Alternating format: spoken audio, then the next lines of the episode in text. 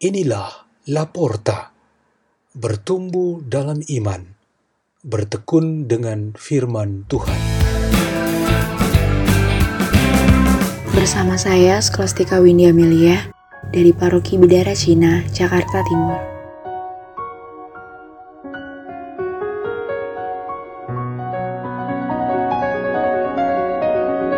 Bacaan dan Renungan Sabda Tuhan Hari Jumat Pekan Biasa ke-25, 25 September 2020. Pembacaan dari Kitab Pengkhotbah. Untuk segala sesuatu ada waktunya. Untuk apa pun di bawah langit ada masanya.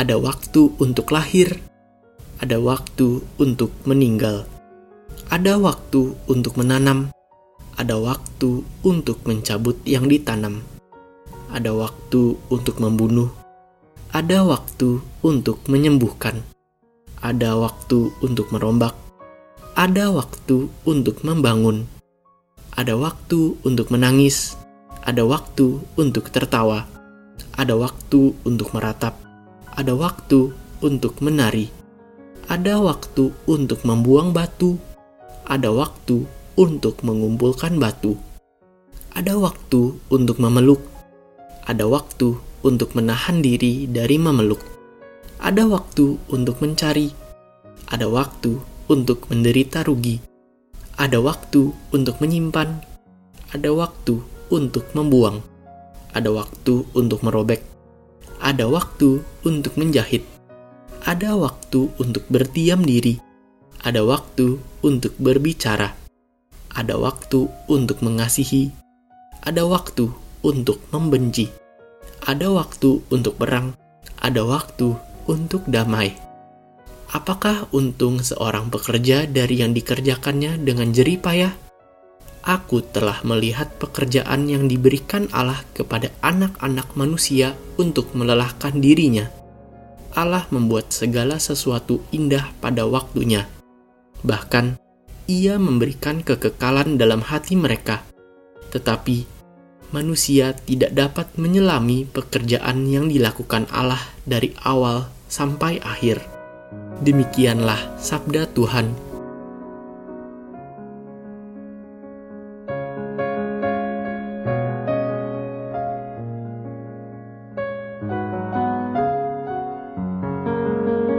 Tema renungan kita pada hari ini ialah segala sesuatu ada waktunya. Kita semua dibentuk oleh pemahaman umum bahwa waktu menentukan nasib hidup kita. Keyakinan ini perlu diperjelas lagi supaya kita tidak jatuh dalam pemahaman yang sederhana.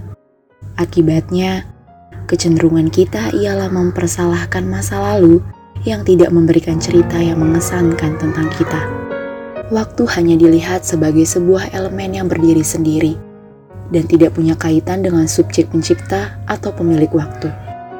Waktu yang memutuskan nasib hidup manusia dapat juga dipahami seperti roda yang berputar. Saat kita berada di putaran bawah, kita memandangnya sebagai periode kemalangan dan penderitaan. Sebaliknya, pada saat kita berada di putaran atas, kita memandangnya sebagai kesenangan dan keberuntungan.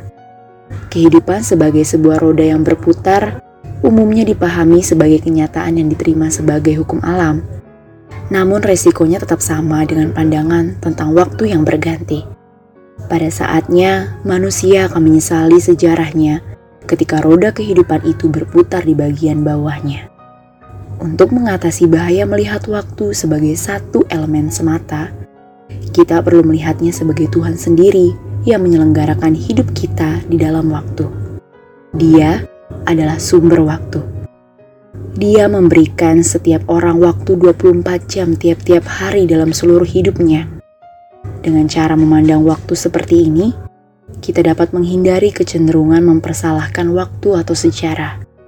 Bila kita selalu mengarahkan pandangan kita kepada Tuhan atas semua peristiwa hidup, baik menyenangkan maupun yang menyakitkan, Sikap kita adalah bukan mempersalahkan masa lalu, tetapi melihatnya dari kacamata iman. Tuhan yang mengontrol dan mengarahkan hidup kita. Kitab Pengkhotbah dalam bacaan pertama ini menggambarkan hidup manusia yang rapuh dan sementara dengan memberikan batasan waktu. Segala sesuatu ada waktunya. Sesuatu ada pada saatnya, dan pada saat yang lain sesuatu itu menghilang. Gambaran ini sebenarnya ingin mengajarkan kita untuk menghargai waktu yang disediakan bagi setiap orang yang jumlah waktunya senantiasa sama. Berapapun lama waktunya, pasti berisi suatu peristiwa kehidupan yang penuh makna. Kita perlu menanggapi pengkhotbah yang mengatakan sia-sia hidup ini dengan sebuah persembahan hidup yang memiliki makna dari saat ke saat.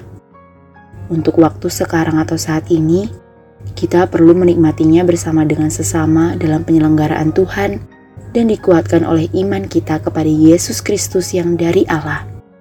Pengakuan iman ini adalah prinsip hidup kita. Marilah kita berdoa. Dalam nama Bapa dan Putra dan Roh Kudus. Amin. Ya Tuhan, semoga kami mengalami setiap waktu hidup kami sebagai pernyataan dirimu bagi kami. Salam Maria, penuh rahmat Tuhan sertamu.